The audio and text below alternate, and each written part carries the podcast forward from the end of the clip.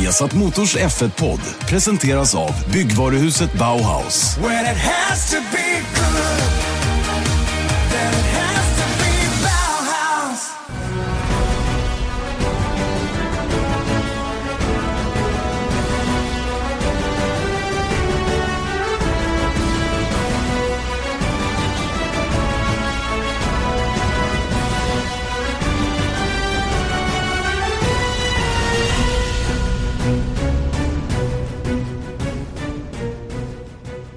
Då hälsas ni välkomna till en ny Formel 1-podd. Formel 1-podden som eh, ni alltid hör på Acast, iTunes eller på vsatsport.se. Eh, dagens eh, podd, eller veckans podd, spelas in inför Tysklands Grand Prix med eh, jag själv, Janne Blomqvist på plats på Hockenheim och Erik Stenborg hemma i Stockholm i min goa studio som jag ibland använder. Hur är läget Erik? Ganska bra, ganska stressigt. Eh, det är OS om mindre än en vecka. Ja, jag vet. Jag känner det också lite grann. Jag känner pressen. Mm. Men eh, ja, jo, det gör man faktiskt. Jag har Mm. nästan lite sån där högt blodtryck tror jag. Det ser Ja, lite rosig det- ut 24 timmar om dygnet. Man får passa sig lite grann så man inte stressar upp sig för mycket. Man eh, har ju lite att förbereda inför det där, men det ska nog ordna sig. Du har ju lite annat att göra på hemmaplan, så att, eh, Mm. Man får inte glömma bort att det är kul. Janne. nej. I slutändan är det ju faktiskt det det handlar om. Det är ett roligt jobb. Mm. Jag hade kunnat sitta på ett kontor och så sitter jag på ett kontor just nu, kommer jag på när jag sa det, men ett annorlunda kontor. Just det. Apropå kontor, jag kommer från mitt kontor alldeles nyss och ehm, eh, har en lite så här blandade känslor. Jag är som sagt då på plats på Hockenheim och idag är det torsdag. Torsdag är mediadag för alla förarna och med allt vad det innebär. Det finns ganska det finns ganska tydliga rutiner för hur allting funkar en, en torsdag där eh, de förare som man bokar in för att göra så kallade one-on-one intervjuer med en och en, där man sitter själv med en och, en och samma förare, eh, bokas in långt i förväg och så får man då göra dem. Men sen har vi ju då det här eh, spektaklet som vi kallar för scrums. Eh, alla team eh, tillhandahåller ju sina förare under ja, tio minuter, en kvart eh, varje, eller ja, varje torsdag. Och då får man helt enkelt gå runt här i depån och skriva ner alla tider som gäller och så försöka tajma in då så man kan vara vid varenda, varenda sådan. Eh, samtidigt så har vi den officiella presskonferensen som, som, eh, som också eh, görs då under torsdagen. Med, eh, klockan tre brukar det vara då i vanliga fall och det var det idag också. Sen efter den presskonferensen så bygger man en hage och den hagen just här är faktiskt byggd mitt inne i paddocken. Mitt inne. De har flyttat den av någon anledning. Mitt emellan alla motorhomes där mekaniker ska försöka gå förbi med däck och det kom någon truck med, med en pall med bensin på och allt vad det nu var som skulle passera. Mitt i alltihopa det här då står, vad ska vi gissa, 30-40 journalister med det tillhörande fotografer. Ja, det är nog på gränsen. Men där omkring i alla fall, runt i den här hagen. Och så kommer då de här förarna som har varit med på presskonferensen ner med sina eh, representanter från teamen och alla är då jättetaggade att ställa sina frågor till de här gubbarna som kommer ner. Och, och så långt är det väl gott och väl. Va? Men, men sen börjar ju problemet. Det är när de här um, förarna då fastnar på ett ställe, det drar ut på tiden och man står där och väntar. Och så försöker man då få lite ögonkontakt med föraren i frågas representant för att se om de tänker komma förbi eller inte. Vilket sällan fungerar, i alla fall inte när det gäller toppförarna. Eh, just idag hade vi lite flyt med Daniel Ricciardo som passerade våra mikrofoner. Det var inga konstigheter. Jag pratade lite en stund med Pascal Wehrlein om hur det är att köra på hemmaplan och så vidare. Men eh, vi var ju ute efter Sebastian Vettel. Och Sebastian Vettel han eh, hamnade nere i tyska hörnet och det är ju det är självklart att de är där nere och att de står där länge det kan jag absolut leva med. Men det bara, problemet var att när de var klara där då, då började de då röra sig uppåt till brittisk media som är stora givetvis i depån och, och italiensk media som också är stora i depån. Eh, och sen blir ju då vi andra kvar så att säga. Va? Och då börjar hon att picka på klockan den här eh, Britta som hon heter då som jobbat med Vettel i väldigt många år. Och eh, eh, Britta sa att ah, ni får bara en fråga. Det, det var halva hagen liksom. En fråga får ni för klockan fyra då har vi skäll. Mm. Så det går inte.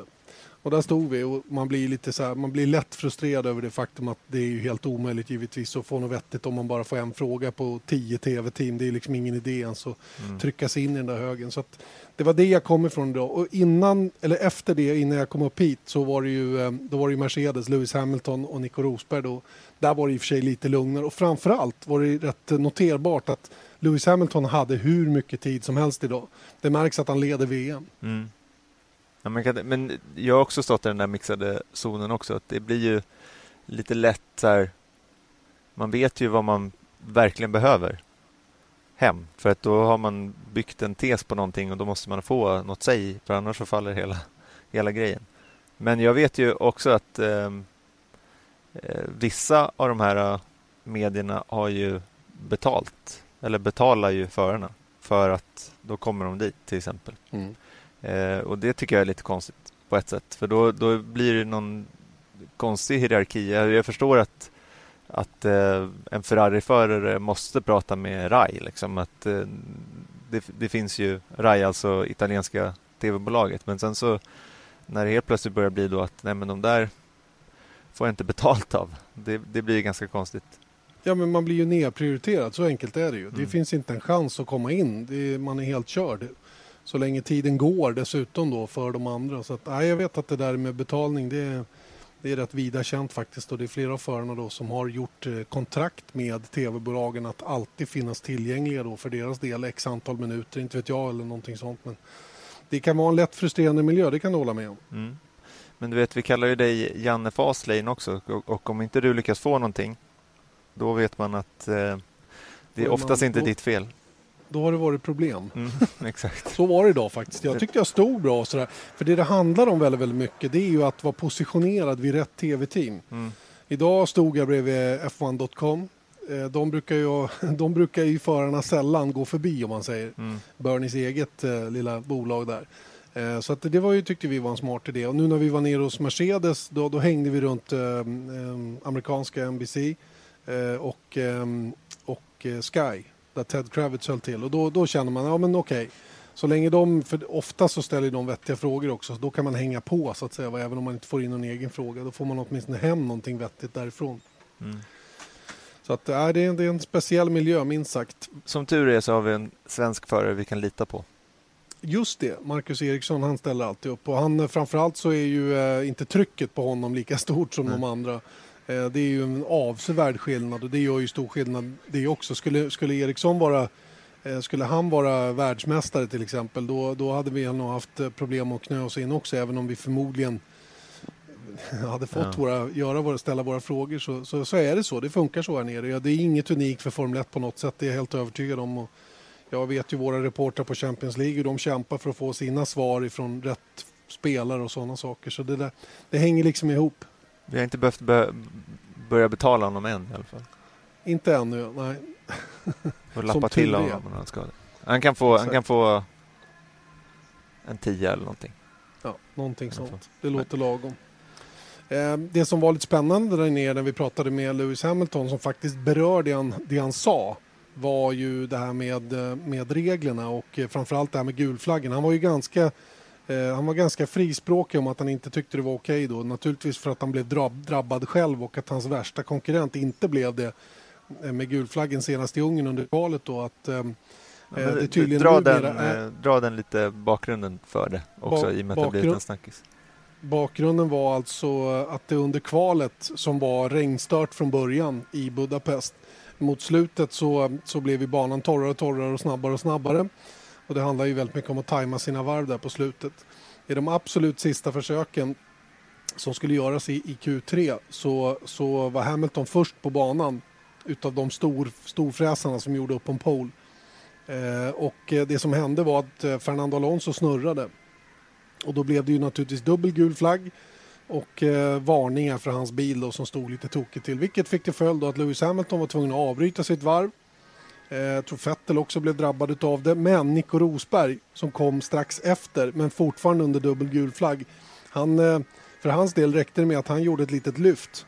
Markerade mer eller mindre enbart i telemetrin som domarna kunde se efteråt då, att han hade lyft av, eh, tagit ner farten avsevärt som de sa. Och sen fortsatte han och öste på och gjorde då en, en snabbaste sektor av alla. I samma sektor? Det, i samma sektor som den här dubbelgulflaggen var.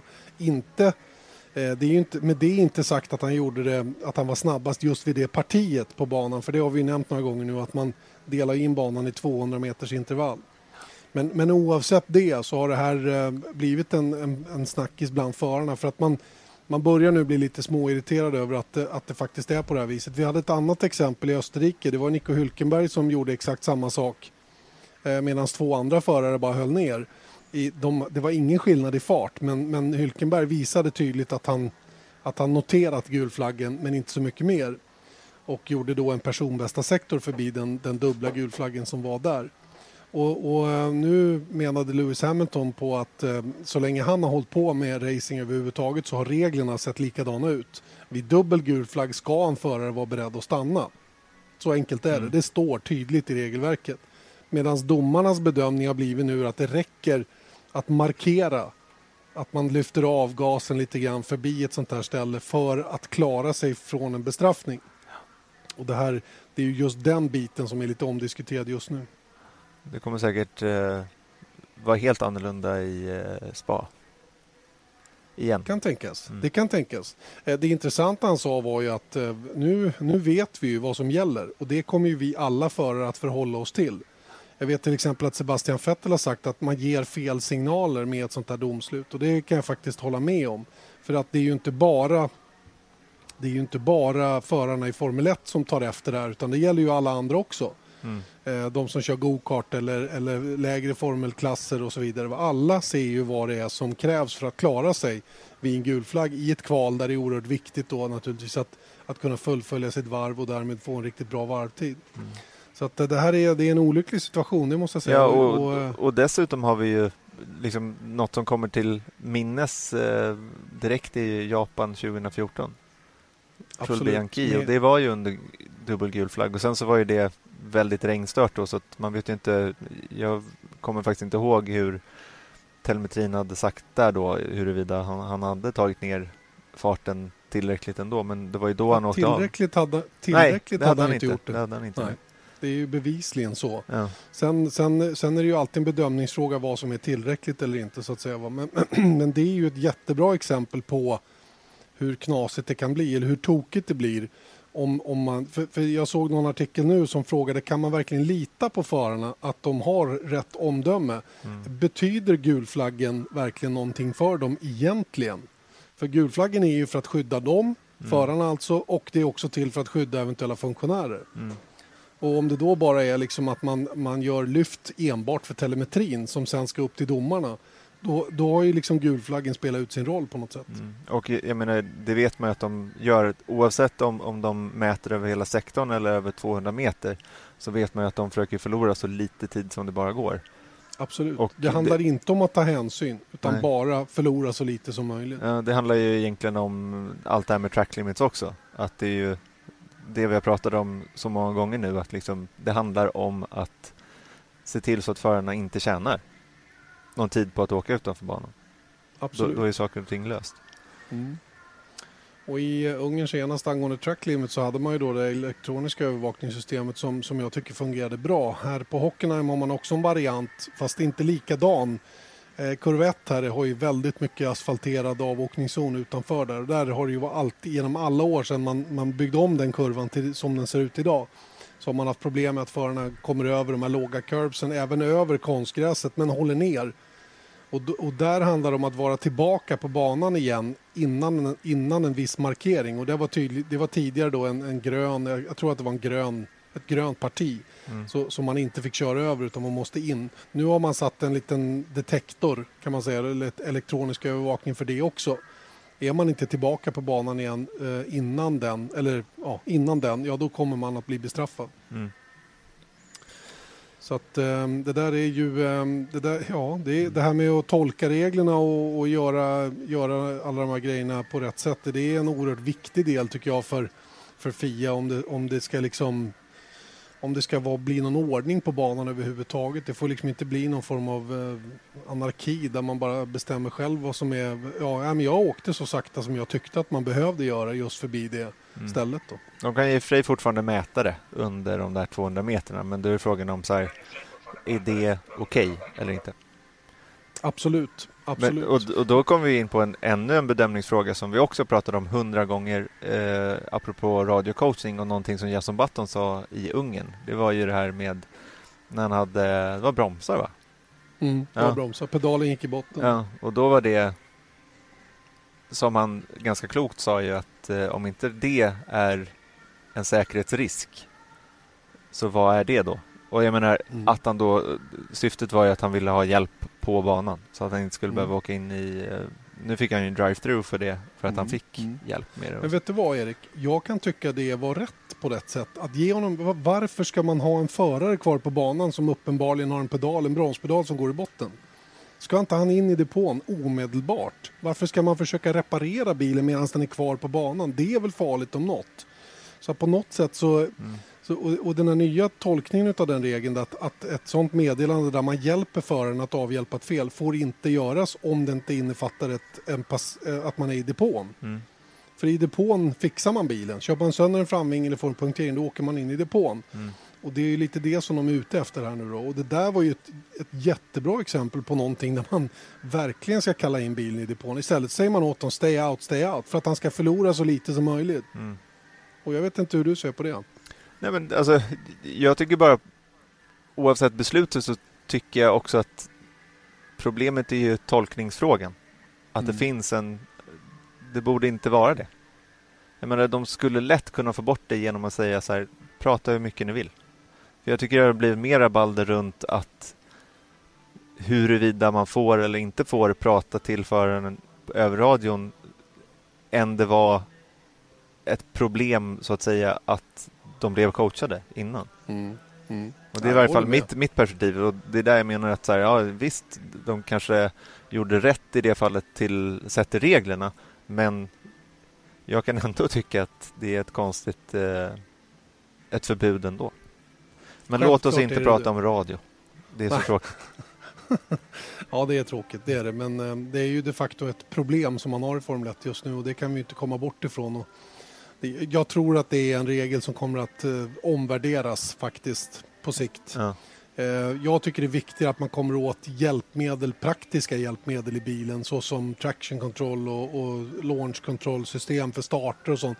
Det är viktigare att man tar bort sånt än att man håller på och förbjuder förarna från att prata med depån om, om att maximera sin, sin, sin fart på banan så att säga. Mm. ja, då är det väl bättre att de kan fokusera på att köra. För det är väl det På man vill att sätt. de ska göra också. På något sätt är det ju så, absolut. Eh, det om detta med reglerna. Det var i alla fall intressant att höra Lewis Hamilton. Han var ganska tydlig med det där. Han, han, han gillar inte det här gulflaggssituationen som har dykt upp i alla fall. Och jag, ja, han, han, han menar på att det var viktigt för mig att göra min röst hörd kring det här för att så här kan det inte fortsätta menar han på. Och, ja, vi får väl se om det tar skruv någonstans, Mm. om det händer någonting framöver runt omkring det. Ska vi, apropå att vi pratar om säkerhet, ska vi hålla den röda tråden levande och prata om Halo? Halo, ja vilken bra idé. Denna fantastiska lilla grej. Ja, Halo ja, som eh, är... Vad ska vi, ska vi kalla den omdiskuterad? Ja det är den ju såklart för det är många som pratar om den men eh, det börjar väl mer och mer få förarnas, eh, förarnas godkännande. Inte Mm. allas dock. Det är alltså ett, en huvudskydd. En, en, eh, en störtbåge runt huvudet egentligen. Mm. Ju. Som, som, eh, och det är varianten som Ferrari tog fram då som, som man tittar närmast på att använda då redan från och med nästa säsong. Och den är alltså fäst eh, i fram eh, ett mittstag precis framför cockpitöppningen framför föraren. Och sen så går det då som en halo som det faktiskt heter på svenska då. En, en gloria, Gloria. Är ju det, betyder ju det. Eh, runt huvudet och eh, fäster då bak i chassit eller i bakkant utav eh, cockpitöppningen bakom föraren då så att säga. Och det här är ju då för att skydda mot större flygande föremål som kan komma då och rädda föraren från att få huvudskador av, av olika slag, vilket det är nu som kan uppstå då så att säga. Till exempel fastna under en eh, bärgare på Suzuka. Som ja, fast där vet sjut- Där hade ju inte Halon eller Halon eller hur man nu vill kalla den då hjälpt ändå för att där var det ju stoppet som sådant som skadade honom. Men, men det, Ja, det fast det var också ändå- att det var direkt, eller så direkt träff mot huvudet. Det kan Ja, inte ha hjälpt ja. heller. Man vet ju inte, han, han kanske hade varit vid liv i alla fall. Det är spekulation, Ja. men jag menar, det är ju sådana grejer det ska i alla fall avhjälpa. Absolut, och flygande däck eller flygande karossdelar som kommer. Vi minns ju Justin Wilsons eh, otäcka krasch där, eller det han råkade ut för i, i Indycar förra året och, och, allt som har varit. Ja. Surtees ja, som, som fick ett däck i huvudet. Och, eh, sen är det ju många som diskuterar om, om eh, Halon är tillräckligt bra för att skydda mot sådana saker eller om den är liksom om den inte är, om det inte är tillräckligt eh, tätt nät eller vad ska jag säga. Mm. Förstår du vad jag menar? Att det kan flyga in grejer emellan där det är fortfarande är öppet. Ja, men då, då får man väl ändra det. Om det skulle vara så. Om det skulle visa sig att det är ett problem sen också. Jag Hur ser tycker... du på att, för, att förarna är så kritiska till det då? Att vissa verkligen inte vill ha det? Vad borde de ha något att säga till om egentligen? Jag läste att eh, Romain Grosjean hade sagt att eh, i den här omröstningen ska, som ska ske mellan förarna då att han, han kommer rösta emot det. Eh, jag menar... Jag tror att det är, som vi också varit inne på tidigare podcaster, att när Hans kom att eh, Rubens Barrichello var så emot det eh, för att han inte tyckte att han kunde titta åt sidan och det var obekvämt och allt vad det var. Nu är det eh, standardpryl eh, inom all former av, alltså även nationell racing här i Sverige så har, har man en, eh, en Hans, ett Hans-skydd. Så att jag tror liksom låt oss... Alltså, man kommer vänja sig och jag tror att det är väldigt bra eh, för att skydda förarna. Ingen vill se eh, en Justin Wilson eller eh, Henry Surtees eller Felipe Massa i Ungern. Eller, sen så kan man ju säga, ja, då väljer man att debattera huruvida, ja men i Felipe Massas fall i Ungern, då var det en förhållandevis liten fjäder som träffade honom i pannan. Ja, och då blir det liksom, nej men då kan vi inte ha en Halo. För nej, att för den, den, den, kanske inte hjälper, men nej. vem vet hur den hade träffat? Den hade kanske styrts av eller inte mm. blivit en direktträff. Och, det, och samma sak med som jag pratade om innan med Bianchi.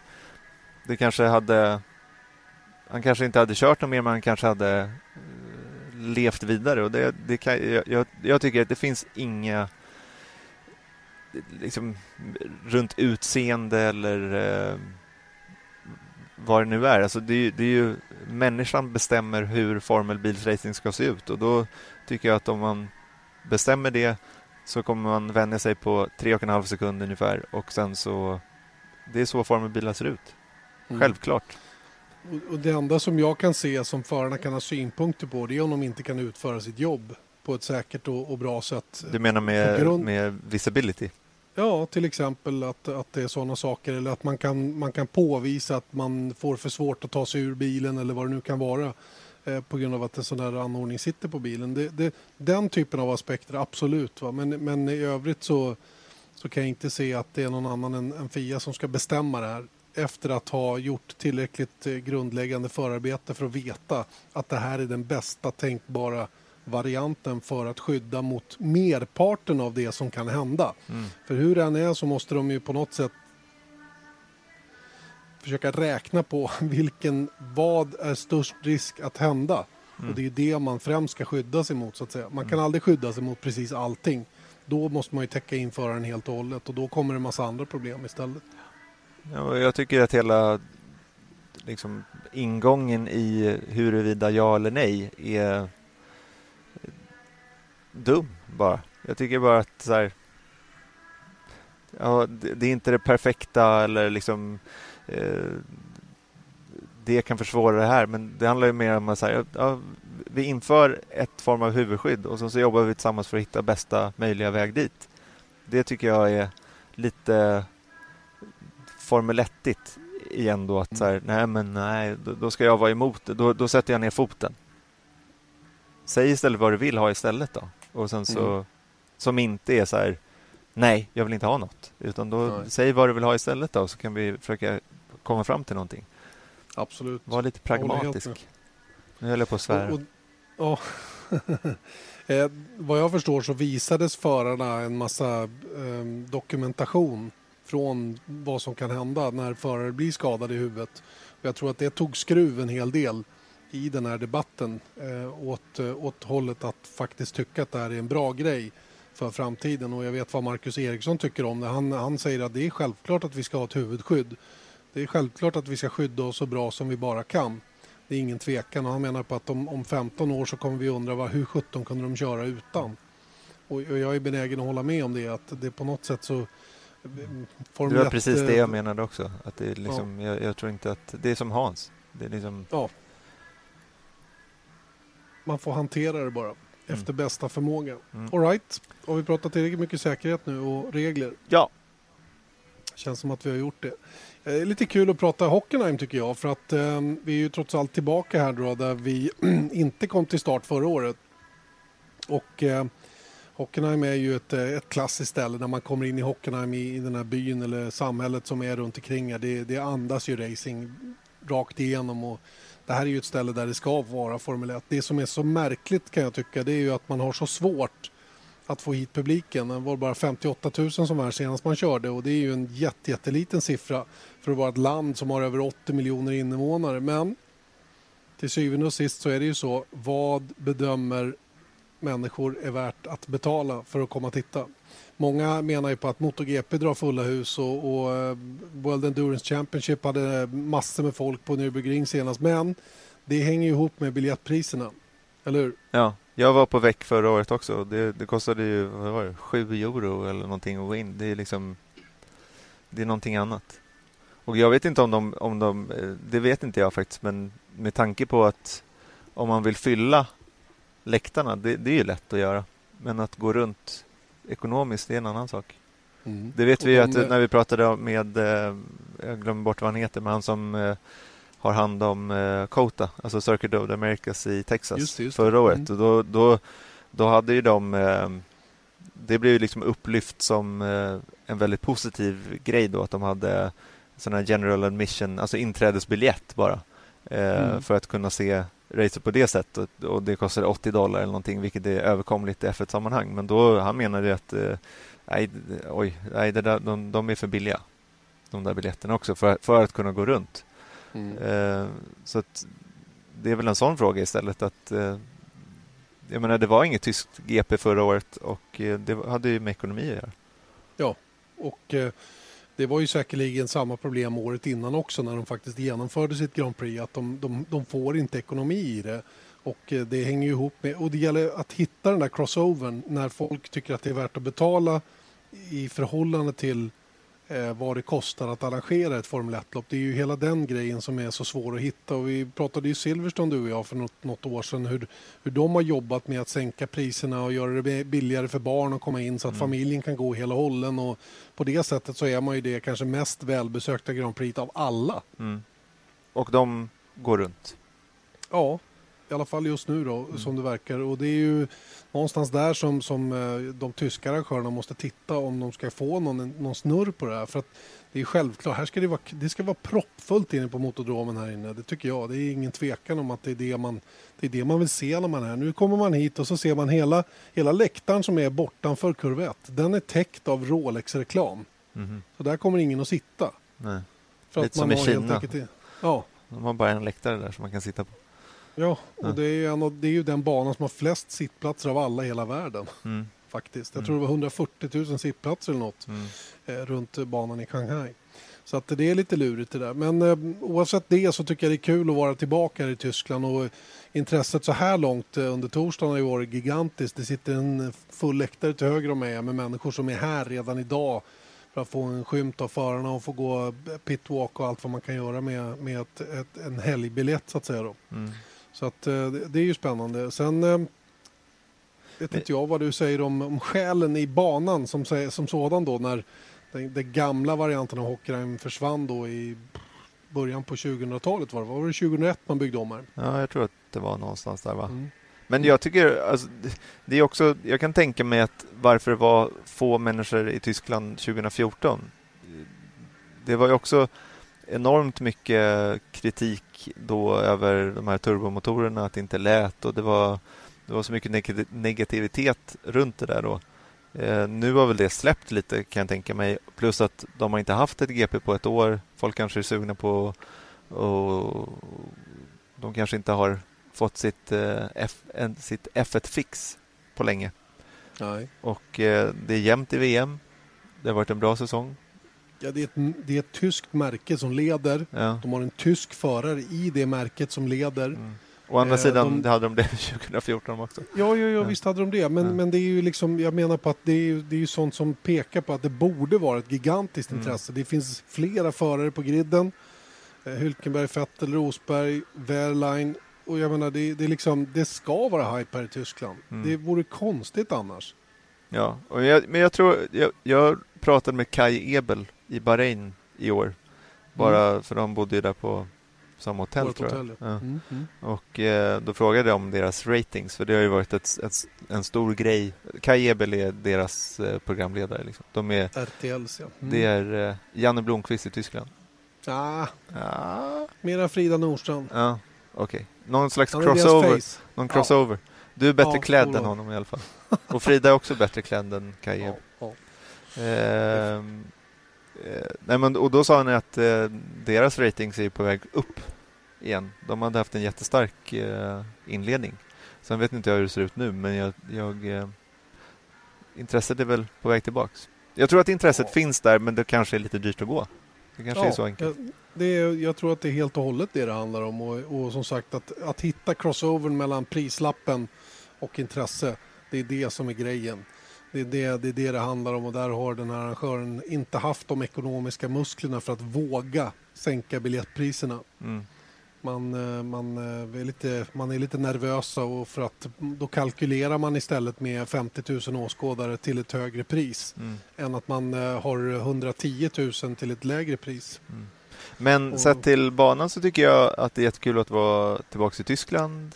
Jag är inte där, men att Formel 1 är tillbaka i Tyskland och jag tycker Hockenheim är cool. Jag tycker eh, Spitzkurve, eller vad heter det? Spitz, Spitzkere. Kere, den Mm. är bra. Cool. Det är lite så här um, Circuit Chilveneuve, den hårnålen. Mm. brukar bli bra grejer och bra dragracing eh, ut ur, eh, ut i den kurvan och hela motodromen är cool.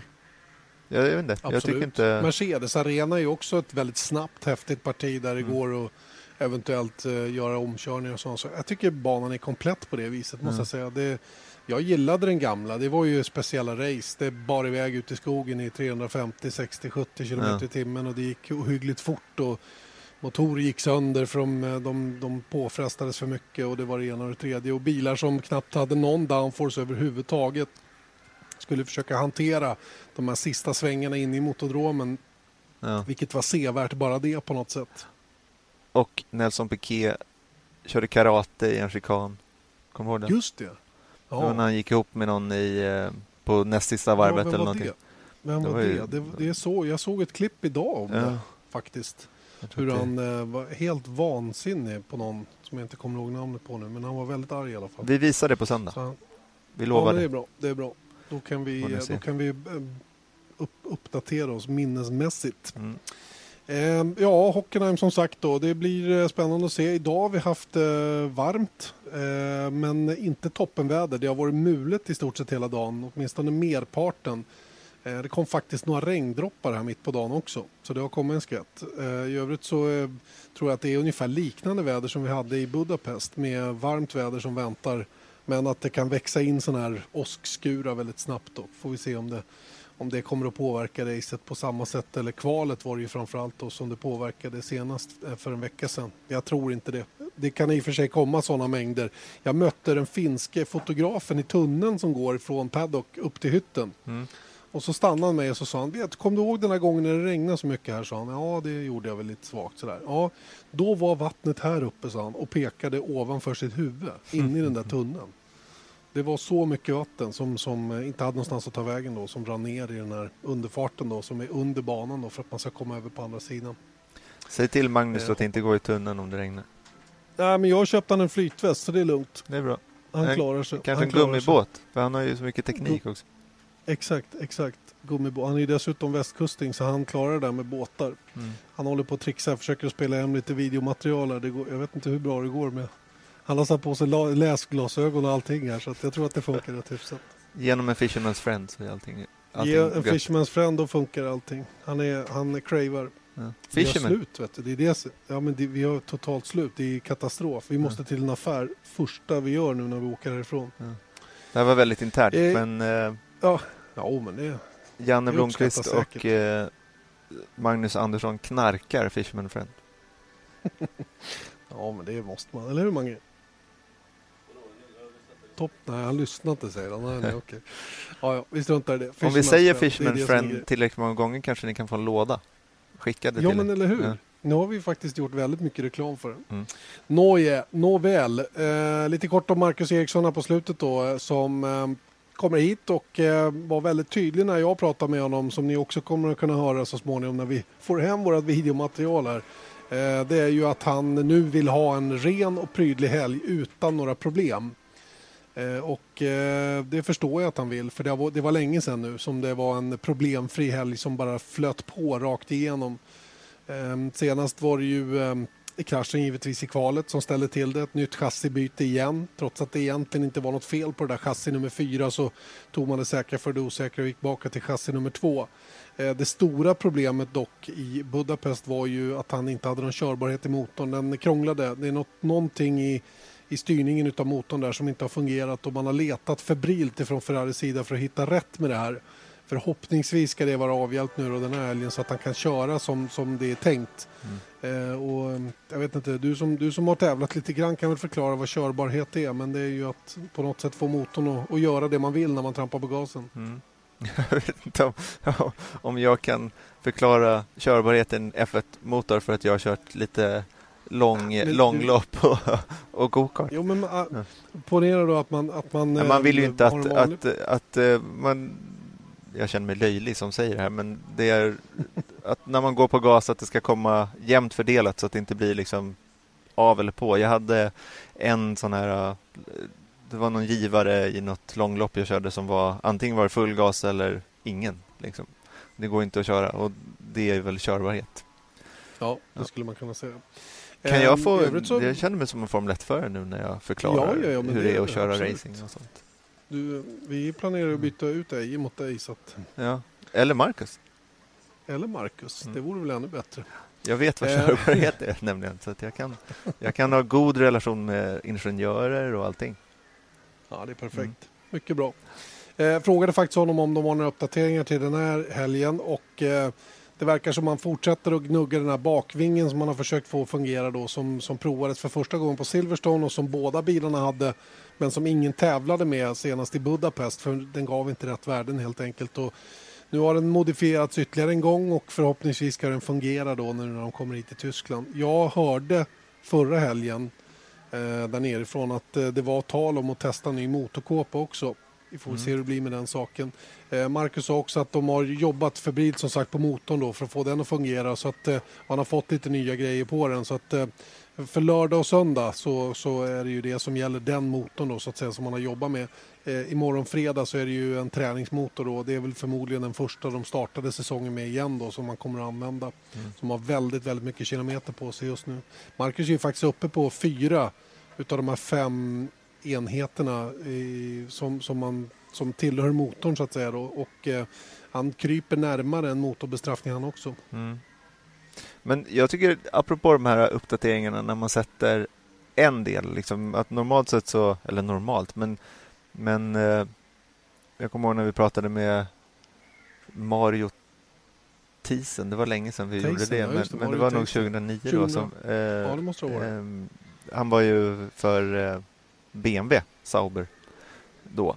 Och då pratade han om att man kan inte liksom egentligen byta så stora delar på en bil för att allting byter en framvinge. Det kan göra att framvingen är jättebra, men allting nedströms från bilen aerodynamiskt blir ju påverkat också. Då, en jättebra ny framvinge kan göra en gammal bakvinge värdelös. Mm. Och då tänkte jag så här med Sauber att de sätter på en bakvinge. Ja, men det kanske, det kanske är en sån del som man kan byta. Men å andra sidan, sen ska de ju sätta på en, en ny framvinge där också. Ja, Och, och då kan man ju, ja, och då påverkas ju all, allting där. Så jag, jag, Mm. men jag, jag är inte tillräckligt kunnig. Alltså, det är klart att de sätter inte på delar som på, för skojs skull, liksom, att få lite coolare utseende. Men, men, det eh, görs i tron att det ska fungera såklart. så är såklart. Ja. Men eh, Eh, det vore oss- kul om man fick ett stort paket som vi har pratat Ja, om. och, men, men det lär nog dröja. Kanske att de hinner få fram framvinge och golv också så småningom då, en motorkåpa. Det är ju de grejerna som man pratar om i alla fall och det är ju i praktiken allt på bilen då aerodynamiskt Mm. som man kan byta ut eh, någorlunda enkelt som, som man planerar att få fram. Då. Men eh, allt är ju en, en, det är en fråga om tid Mm. Eh, i förhållande till de resurser och de nytillkomna resurserna då, om, det, om det finns möjligheter att få fram det här till båda bilarna inom rimlig tid. Det är ju inte så många race kvar innan det bär iväg utanför Europa igen nu och sen, är väl, sen har det väl gått tåget så att säga att få det där att fungera Mm. känns det som. Förra året så kom de ju med mycket nya prylar då till Singapore och det hade man ju jätteproblem att få fungera också så att Ja. det, det, det är svårt det där helt klart. Japp. Men eh, hoppas right. att de kan ta en poäng kanske. Eller Ja, två. det är ju ambitionen i alla fall. En poäng räcker ju faktiskt för att gå förbi Manor som har en poäng då som de tog i Baku. Si. Eh, och den poängen gör ju att de nu ligger framför Sauber i konstruktörs-VM. Då håller den där tionde och sista pengagivande platsen. Eh, och den måste man ju då försöka att eh, få tillbaka. Och, och skulle då Sauber ta en poäng så har de bättre resultat i övrigt då. Då tar de sig alltså förbi Manor igen då, upp till nionde platsen. Men eh, det känns långt bort med någon poäng just nu ärligt talat. Mm. Ja, de har inte varit så här... Du vet, det, har inte spelat, det- skulle vara halva fältet som skulle behöva bryta för att de ska kunna, kunna ta något. Men Ja, you never Ta know. Felipe Nasser för, förra helgen till exempel. Han hade ju ett relativt problemfritt race. Vad blev han? 17 Mm. Så att, eh, men när inga bryter, det var väl bara en bil som försvann senast, så, Mm. så är det ju eh, jätteproblem för dem att ens vara i närheten av att ta några poäng. Det bästa är väl att de har varit tolva tre gånger. Och då, då kan man ju ha lite tur om någon skulle... Men de var ju oftast tolva för att det var någon annan som bröt. Eller det var många Ja, som bröt dit, dit också. Så det är inte så. Exakt så Ja. är det. Exakt så är det. Men man får leva på det svenska hoppet. Absolut, det gör vi självklart och vi kommer att göra det under helgen. Så jag tänkte vi drar alla våra sändningstider. Det kan vara bra. Jag brukar ju få briljera med att jag kan dem Men utan nu har jag förberett ett quiz ju. Just det. Så nu måste Just jag få göra det. det. Ja, ja, Mm. ja, självklart. Förlåt. Det Tysklands. GP. Mm, kör hårt. Jag ska svara efter bästa förmåga. Fem frågor. Mm. Tysklands Grand Prix eh, körs nu för 62 gången på Hockenheim. Vilka Mm. banor har Tysklands GP körts på? Tysklands GP har då körts på Nürburgring, på Hockenheim och vad kan de ha körts på mer då? Sachsenring kanske? Avus. Vad hette han? Avus. Avus? Mm. Ja, En det, gång. Det kanske jag vet förresten. Var ligger den? Det aning. Det förtäljer inte historien. Okej. det är Berlin. Berlin är det, okej. Mm. Men det var... Jag tror jag vet vilken det är faktiskt. Ejon och pratar med den här någon gång. den finns inte ens Men, kvar eh, jag, längre. nej, jag, jag vet det, men jag, jag, jag tror jag vet vilken det är. Strunt samma. Det var tre banor, jag kunde två av tre. Mm. De andra två var inte så svåra i och för sig. Eh, det hade kunnat vara en kuggfråga också. Mm. Eh, då tar vi... Eh, vilka har vunnit på Hockenheim på dagens grin, grid? Vilka har vunnit på Hockenheim på dagens grid? Jaha, ja. Det var en klurig fråga. Vilka kan ha vunnit? Fernando Alonso har vunnit, det vet jag. För det var ett omdiskuterat lopp. När han blev omsläppt av Felipe Massa. Felipe Al Fernando is faster, faster than you. than you. Just det. Så den, den, den är med. Eh, jag inbillar mig att Kimi Räikkönen har vunnit. Jag inbillar mig också att Sebastian Vettel har vunnit. Eh, har Nico Rosberg eller Lewis Hamilton vunnit? Det är ju den stora frågan här. Jag tror att Nico Rosberg också har vunnit. Nej, det här är fel alltså. Eller ja, Ja. delvis fel. Alonso har vunnit, Hamilton har vunnit, Mm. Rosberg har vunnit. Han vann 2014. Det är förvånande Ja. att jag inte... Ja, men, Har den, koll på den det, hade, ja, men det hade jag. Hem och, hem och plugga ikväll. Jo, det gjorde du, men det här måste ju sitta som Ja. vatten. Mangen tog fram Wikipedia. Vi får inte fuska, Nej. Magnus. Nej, ta bort det där. Nej, nu, nu, se. nu är det minuspoäng. Nu är du på minus istället. Vettel har vunnit i alla fall. Eh, men då du, hur många gånger har Alonso vunnit? Magnus, jag ser dig också så du kan inte... Mm, har han vunnit eh, tre säger då. Rätt! Oh, en poäng. Nu är du på Yes. noll. Mm, det är bra. Då, Mm. är jag på, kvar, då är jag tillbaka på noll. Mm. 1953 Mm. slogs rekordet för flest antal startande i ett F1-race på Hockenheim. Hur många startade? Hur många starter? 38. 34. Nej, vad nära jag var. Jag tog chansade. Jag hade ingen aning. Men 38 lät som en bra rund summa. Ja. Hur många hemmavinster har Tysklands GP levererat? Alltså hur många Hur många gånger Tyska- har en hemmaförare ja, vunnit exakt. här? Mm, det var en bra fråga det. Schumacher har väl vunnit ett antal gånger. Eh, Vettel nämnde vi. Rosberg har vi nämnt. Ska vi gissa att vi då kanske är uppe i 5, 6? Och sen så backar vi tillbaka i tiden. Schumacher har... Ja, vi kanske är uppe i en 7 då. 7 vinster. Säg 12 då. 13? Nej! Hur gick det från 7 till 13? Eller till 12? Det var helt otroligt. Nej, men jag, de, jag kunde, de jag kunde var på ett ungefär. Sen så la jag på några som jag inte hade någon aning om. Mm. Så tyckte jag att det var en nära bra siffra. Ja, 13 i alla fall. 26 hemmavinster har skett i England. Det är de enda dubbelt så många. Där pratade vi om hemmaplan när vi var på Silverstone. Just det, just det. Jag pratade faktiskt, frågade Pascal Wehrlein om det betyder någonting med hemmaplan. Han, det är klart att alla tyskar tycker att det är kul att köra i Tyskland. Det Mm. fattar ju jag med. Men betyder hemmaplan någonting? Var frågan. Och eh, det sa blir, blir du snabbare? Är man snabbare för att man kör hemma? Så att, blir man liksom, tar man ut det lilla extra? Och det vill han väl inte riktigt gå med på. Det trodde han inte. Men den allmän, alltså rent mentalt så blir man boostad av att vara på hemmaplan. Så det kan säkert göra en stor skillnad. Mm. Kör sändningstiderna nu. Just det, det var de ja. Eh, imorgon fredag kör vi igång eh, 9.55 med träning 1. Vi startar träning 2 13.55. Träning 3 på lördag startar 10.55 och uppsnacket inför kvalet börjar 13.40.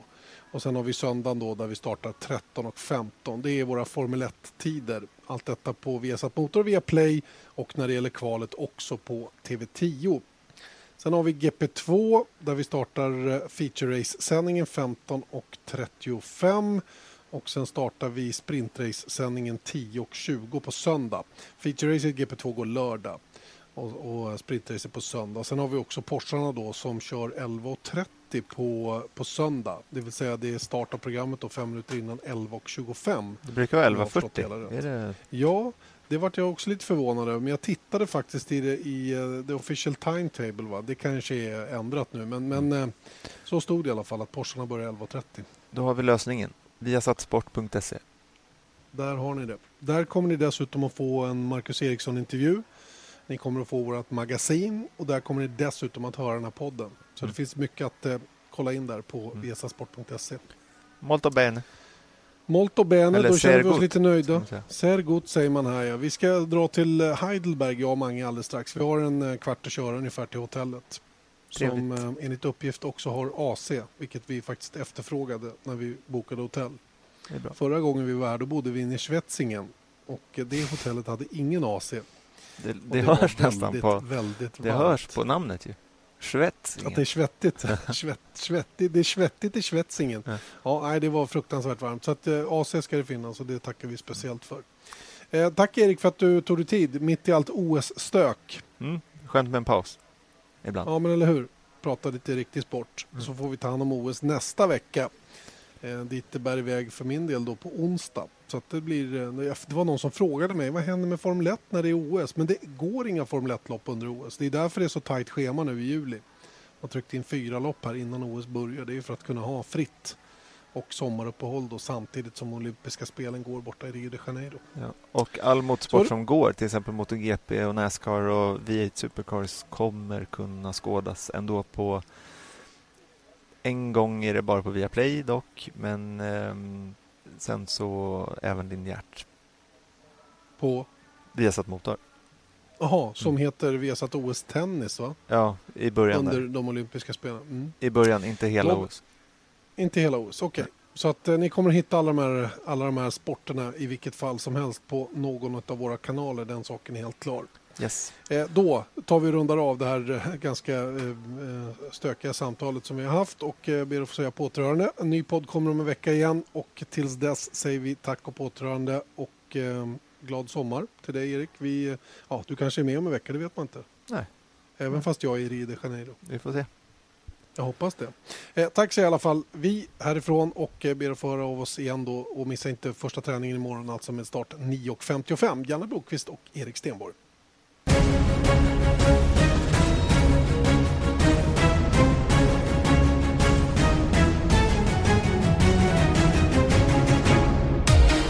Vesat Motors F1-podd presenterades av byggvaruhuset Bauhaus.